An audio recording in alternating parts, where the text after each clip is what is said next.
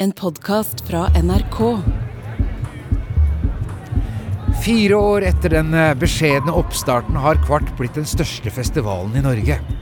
En cocktail bestående av beachparty, konserter, nattklubber og utagerende sceneshow fungerte som et fluepapir for de som var på jakt etter noe nytt og annerledes. Jeg var først med som eh, reporter i TV-programmet U, men eh, året etter og fram til sommeren 2000 var jeg der som programleder for P3-programmet Excel, før jeg i 2004 ble hyra som pressetalsmann for festivalen.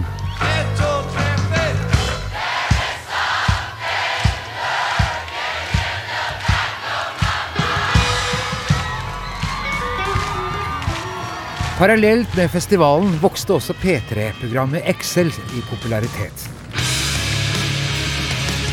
Det som begynte med et vaklende campingbord, blir erstattet med en egen scene på strandpromenaden. Excel var et eh, radiokollektiv som foruten meg selv besto av Kristoffer Schou, Atle Antonsen, Johan Golden, Gunhild Dahlberg og Øystein Carlsen. Kristoffer Schou mener at den raske suksessen også hadde noe med tidsånden å gjøre. Skål, alle sammen. Skål. Skål. Hvis jeg skal tenke tilbake på Kvart, så er jo noe av det som var mest spesielt med det, friheten, altså. At det var så Jeg skal ikke si lovløst, for det var det ikke. For du forholdt deg jo til et regelverk, altså tidsrammer, du skulle gjøre det og det og da og da. Men du kunne gjøre hva du ville, så lenge det underholdt på et eller annet vis. Og det var lov å tøye strikken på en måte som jeg nesten ikke tror har vært gjort i livesammenheng i Norge verken før eller siden. Det, var, det er helt unikt og drøyt det var, liksom. Altså pissa i en loff og pælma ut i publikum, liksom. Så det eksploderte. En sånn blanding av hvete og manneurin. Altså, dette var underholdning, liksom. Og folk syntes det var greit. Det er ikke Vi kommer aldri dit igjen, tror jeg. Hver dag under festivalen hadde vi livesendinger foran flere tusen tilskuere. 90-tallet var ironiens tid, og den nye humoren gikk ut på å strekke grensene for hva som kunne kalles underholdning. Et av eh, numrene var den eh, totalt tonedøve Gunhild Dahlberg, som fremførte operaklassikere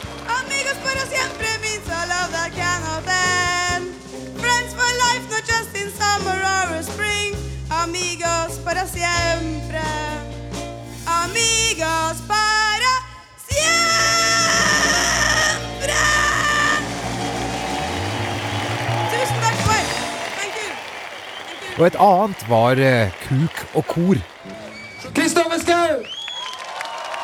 Kuk og kor var jo en flott eh, avslutning på Excel-tida, det. Da var det jo et barnekor i bakgrunnen der, som sang 'Barn av regnbuen'. Eh, Jeg akkompagnerte jo med penis i en støvsuger som bare holdt på en måte takten. En sånn spille på slurveaktig lyd. Kristoffer Schau og Volta støvsuger.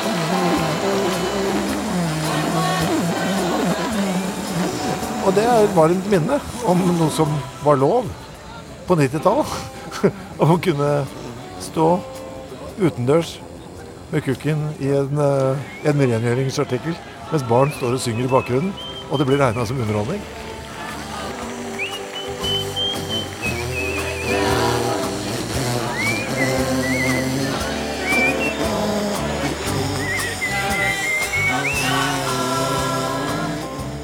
For en fantastisk tid. Altså, ikke at jeg fikk lov til det.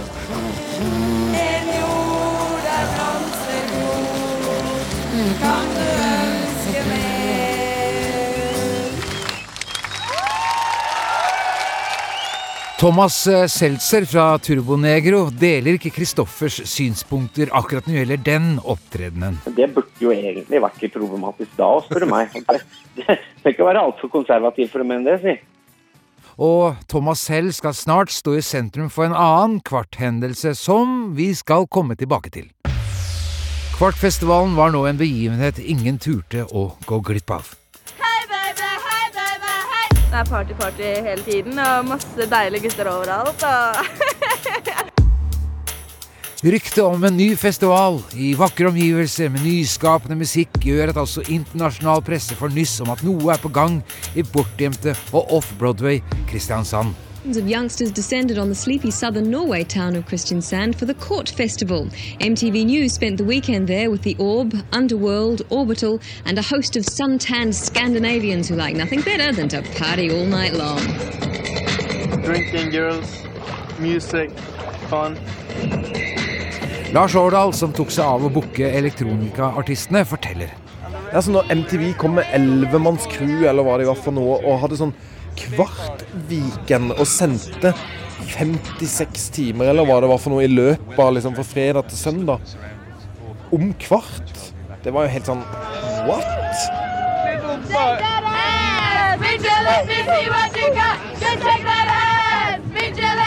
Både de norske og de internasjonale mediene var opptatt av Kvart, eh, først og fremst pga. konserter og nye og spennende artister. The Court Festival is a non-profit making event. De gangene jeg så eh, kronprinsen, var han på konsert med venner der han drakk øl av plastglass, og nå og da vanket det vel et skulderklapp, men det fantes tydeligvis en konsentus konsensus eh, både blant presse og publikum at hvis kronprinsen ønsket å være blant sine egne på konsert og festival, skulle han få lov til det. Men denne uskrevne regelen forsvant umiddelbart da de første ryktene om at Håkon Magnus hadde truffet en eh, lokal jente dukket opp. I Kristiansand setter Kvartfestivalen sitt preg på sommerbyen, men mange er like opptatt av kronprins Haakon og hans kjæreste Mette-Marit Tjessem Høiby, som her kommer ut fra leiligheten til Mette-Marits mor i Kristiansand. I baren på Kaledonien, der presse- og bransjefolk hang, ble det plutselig en summende gryte av glupske kjendisjournalister som viste paparazzi-bilder av kronprinsen ved siden av en blond jente i en tresnekke. Andre journalister viser opptak der paret forlater en leilighet i sentrum. Ingen snakker under opptaket, og det eneste som bryter stillheten, er lyden av kameraer som klikker som maskingevær.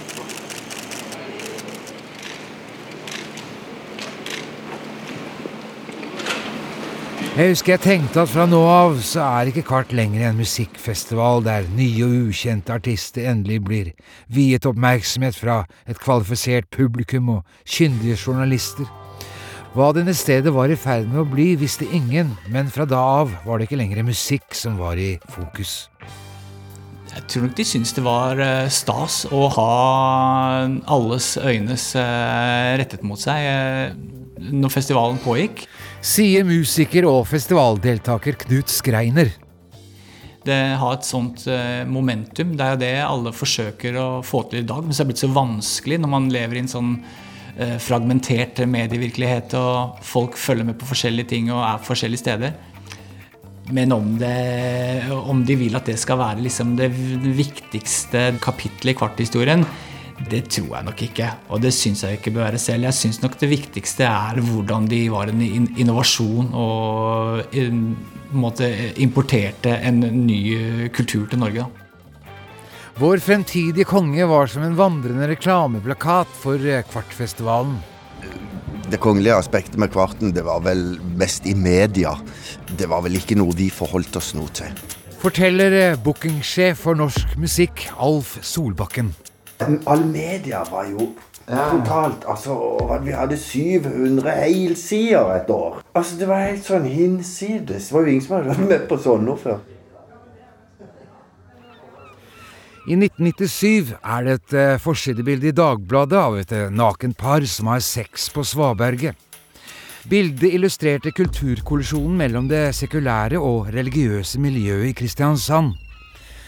Bildet var ikke stor kunstnerisk verdi, det var uklart og tatt med telelinse, og motivet var et naken par som har doggystyle i vannkanten. I bakgrunnen putrer det forbi en liten tresnekke, og bak roret sitter en mann med gul hatt. Fremdeles er det ingen som vet hvem som eh, figurerer på det snart ikoniske bildet. Det var mange som hevdet at det var de som hadde sex, men eh, ingen ville stå frem som eier av den gule hatten. Where are we right now? I'm sorry, where are we now? Give me the money! Så jævlig bra. At det kom 15 000 kjøpesterke festivalgjester på besøk, og at den eh, lokale handelsstanden gjorde gode penger, var fint, men Reklame hva var det verd? Og så var det kjipe McDonald's som en gang i året gikk tomme for burgere. Og så når vi kom til den og spurte om de kunne sponse litt, så var det nei. Kjipinger. Han har vært på Kaledonien i dag. Og kan man se Cecilie? Hotell Kaledonien anså ikke Kvart for å være god nok grunn til å gi sin faste barpianist fri.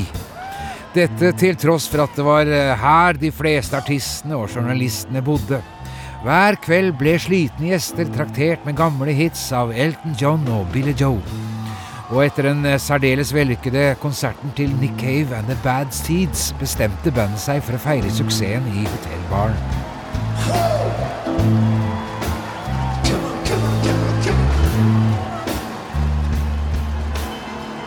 Gitaristen i bandet, Blixa Garbild, hadde ikke sans for Billy Joel nettopp denne kvelden, og truet dermed bare pianisten med en ja, omgang i juling. Pål Hetland og jeg er tilbake for befaring av The Scene of Crime. Her er det ikke som før. Nei, for her var jo den øya En barøy. Ja. Og så var da Pianisten der. Pianisten var der, ja. Det var han som blik, bliksa føyk på og eh, tournamentet etter han dro en eller annen eh, Billy Joel. Jeg var her Billy, nå, Billy altså, Joel-låt. Ja, Ja, jeg satt der borte. Og Blixa satt også der borte, og han skrei eh, Altså Vi snakker om Blixa Garvey fra Ja. bandet til eller, uh, The Bad Seeds. ja, Gitaristen til Cave og vokalisten i Einzischen Norgaten som var her i 97. Riktig. Ja. Og, hans, eh, og så satt denne pianisten hver eneste kveld og spilte Billy Joel og Elton John. Og så husker jeg at han begynte å skrike 'Shut the fuck up'! Eh, He had a rat-trot shoes and an old Stetson hat. A 28 Ford, he had a payments on that. Staggerly. Det var mange fastboende som likte festivalen. Conny Bensrud, som eh, var eh, reporter for TV 2, forteller. Og tenk deg hva Kvartfestivalen gjorde med unge i Kristiansand.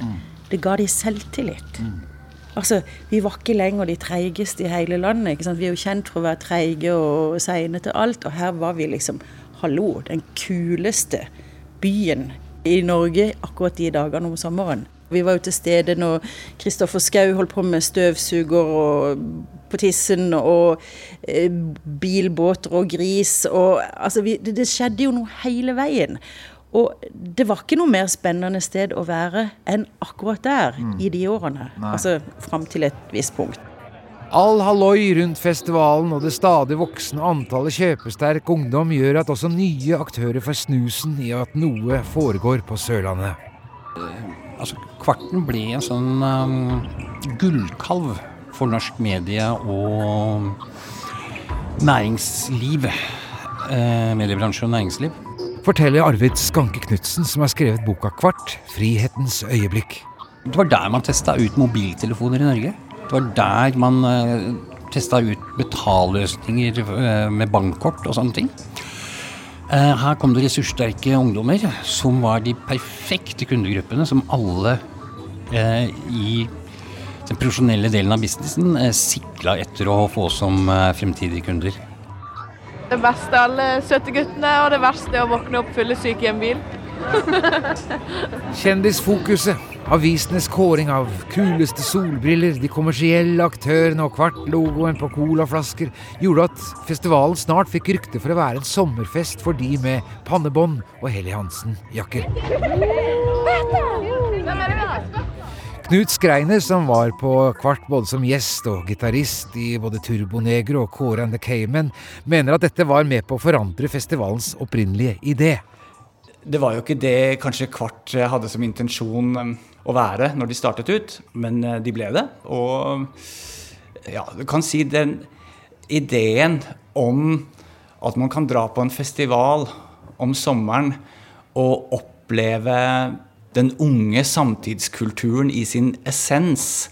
Mote, musikk, medier, uteliv. eh, Det var det Kvartfestivalen som eh, introduserte i Norge. Det var vel ikke dopapiret?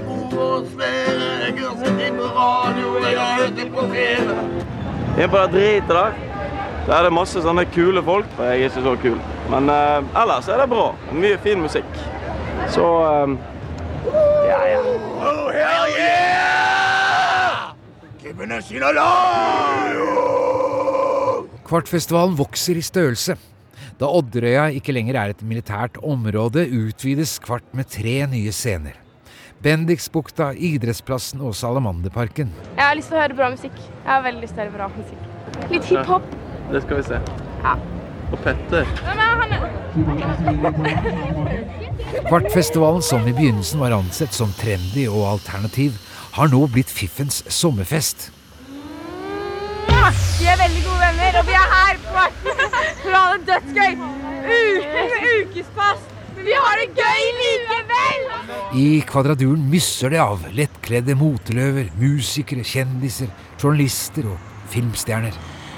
Og så eh, var det jo litt glamorøst. Først fordi at det var liksom sånne viktige kulturfolk som var der nede, og media begynte å følge med. Og så fikk du etter hvert liksom forbindelsen til eh, kongehuset. Så på 2000-tallet så fikk Kvart dette sossestempelet. Jeg tror jeg er mer opptatt av alle andre kjendiser som er her. Men det er, det er en festival hvor det er mennesker som eh, Det er Vestkant-Oslo, liksom. Ja, det er veldig Vestkant-Oslo, og folk viser seg fram på festival. Med en egen scene ble de daglige Excel-showene som en festival i festivalen. Kristoffer Schou, mine damer og herrer. Til stående applaus fra flere tusen tilskuere ble Kristoffer Schou pisket fremover av Atle Antonsen mens han fylte munnen med 200 Fisherman's Friend.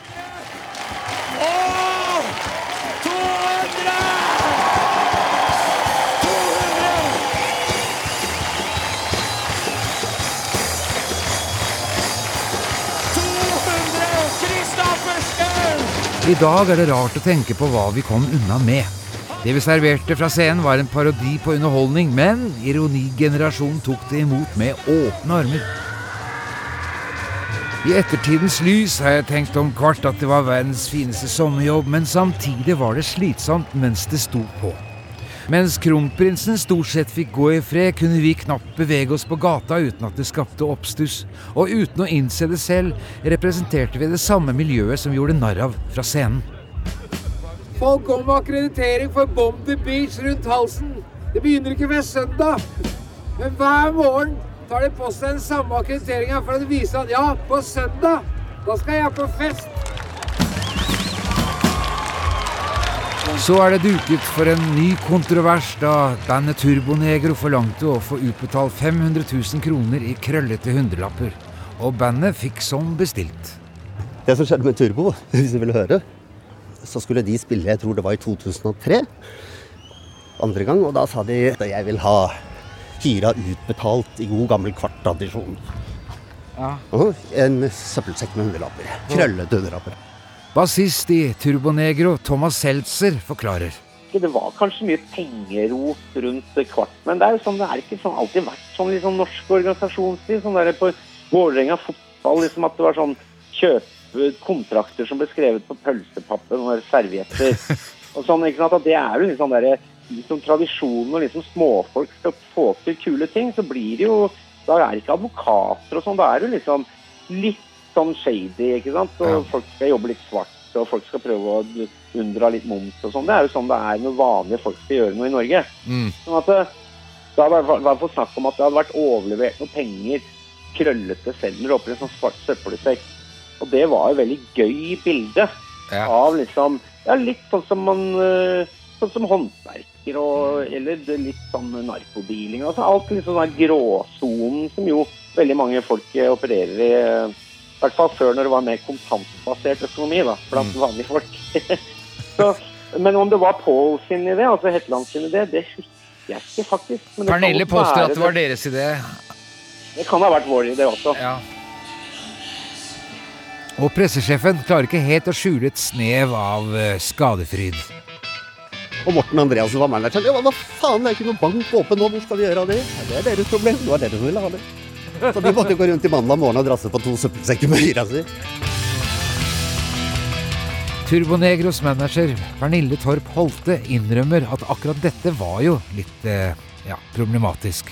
Så det var jeg og faktisk min, mine to søstre som var med dit. Som vi bar liksom 500 000 som om vi bar pose med Kiwi-varer til hotellet til Kaledonien. Og så sov vi. liksom, hvor gjør du av liksom, Husker jeg ikke om dette var en fredag eller lørdag, men i hvert fall ikke noe åpen bank da.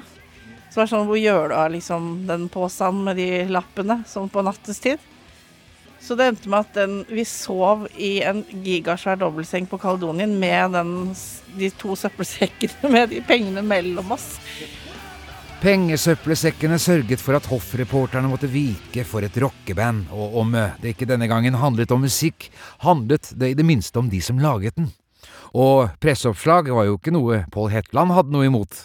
Det som egentlig skjedde, var at vi fikk jo fra Flying Craps skudd i teltet og hvert eneste år en eller annen form for skandale i fanget. Og jeg tenkte vi skal selge rock'n'roll og ikke barneklær, så, så la, oss, la oss vise det også. Så jeg skjønte eller lærte etter hvert hvordan man kunne maksimere effekten av disse her skandalene.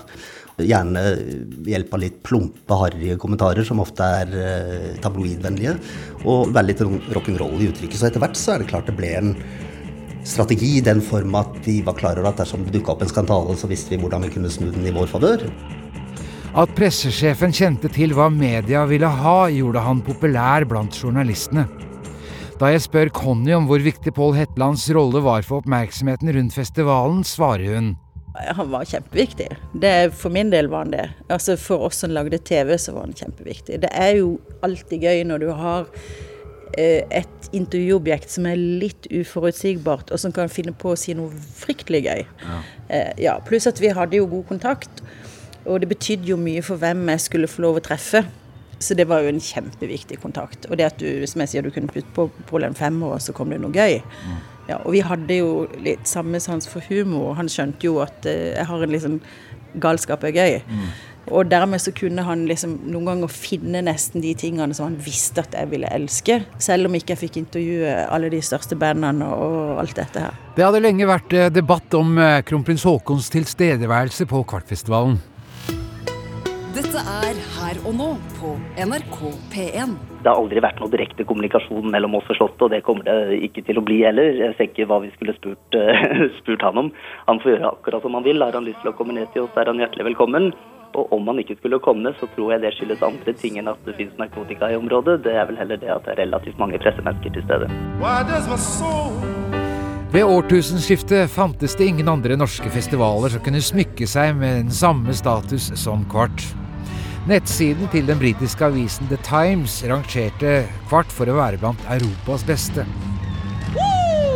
Å opptre på Kvart var en fjær i hatten både for norske og internasjonale artister, og i henhold til Arve Skanke Knudsens tidligere nevnte bok takket også Kvart nei da a-ha spurte om å få opptre der i 2001. Right. Da den eh, nye Øyafestivalen i Oslo begynte å gjøre seg gjeldende etter en beskjeden oppstart i 1999, ble den geskjeftige Pål Hetland imidlertid engstelig for at eh, den nye festivalen kunne stjele oppmerksomheten fra Kvart. Pressesjefens manøver sørger for en ny kontrovers. Ja, vi gikk jo til et slags angrep på Øyafestivalen, kan du si, eh, også oppi det hele. Og det var måten han gjorde det på som fikk mange til å mene at eh, nok en gang gikk han for langt. Det begynte med en, en liten uh, finger i rumpa på Øyafestivalen, hvor vi lagde en tegneserie. Kort forklart. På Kvarts hjemmesider legger Hetland ut en tegneserie der Øyafestivalens leder, Claes Olsson, blir fremstilt som en homonazist som blir voldtatt på en festivaldo av et par menn kledd i Levis klær. Jeg var inne på Øyas hjemmesider og så leste jeg norsk musikk, norsk musikk, norsk musikk for nordmenn. Det var liksom så utrolig fokus på norske. da.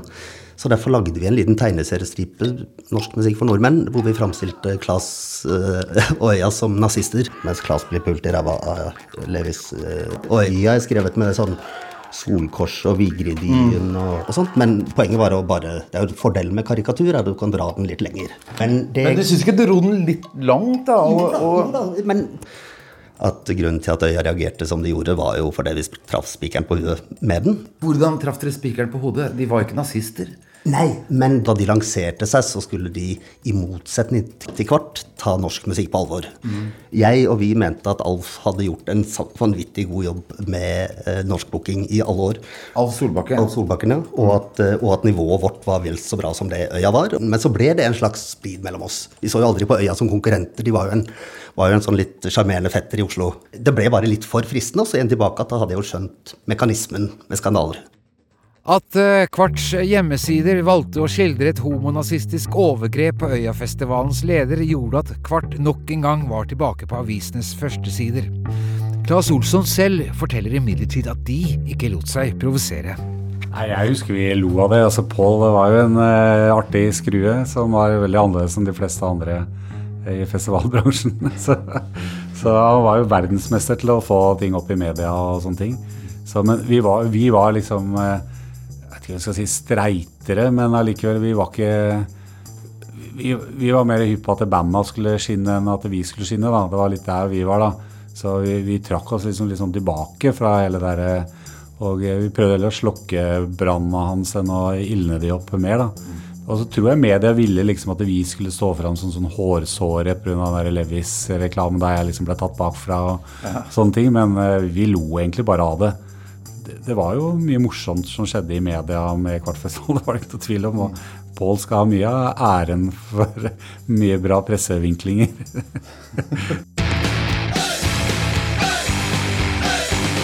Det skal snart vise seg at det ikke bare er eh, Pål Hetland som har sans for alternative pressevinklinger.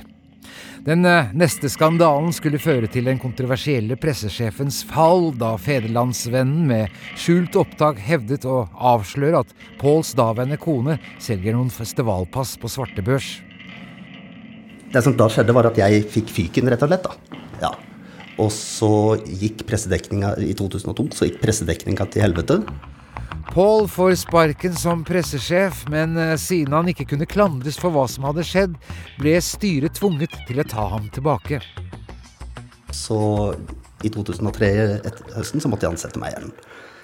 Og eh, jeg hadde da begynt å få angst og en del nerveproblemer. Og samtidig så visste jeg at eh, styrer også var skeptisk for meg å fronte mer. Jeg begynte å bli sliten i frynset i nervene, og det passa styret fint òg. Men jeg var jo veldig bekymret hvem kunne overta vår rolle som rock'n'roll-kommunikatorer, for å tørre i media det jeg turte. Og nok en gang velger Pål Hetland å foreta en overraskende manøver.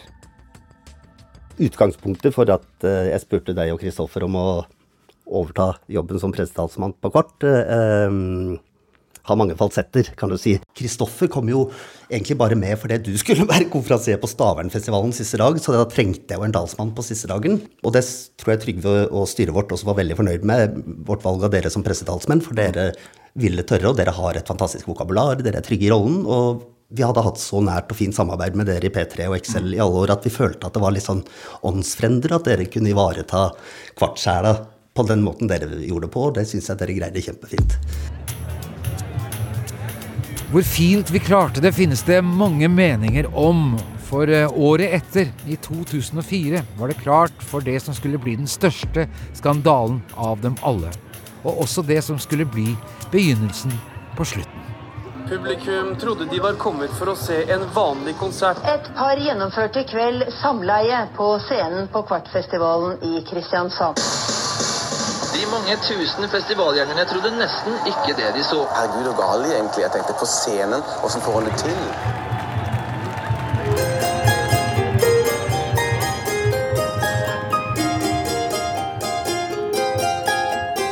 Du har hørt Kvart, skandalefestivalen del to, laget av meg, Espen Thoresen. Lyddesign Merete Antonsen, arkiv, research Beate Riser, produsenter er Hege Omre og Kjetil Saugestad, og redaksjonssjef Ragnhild Veire.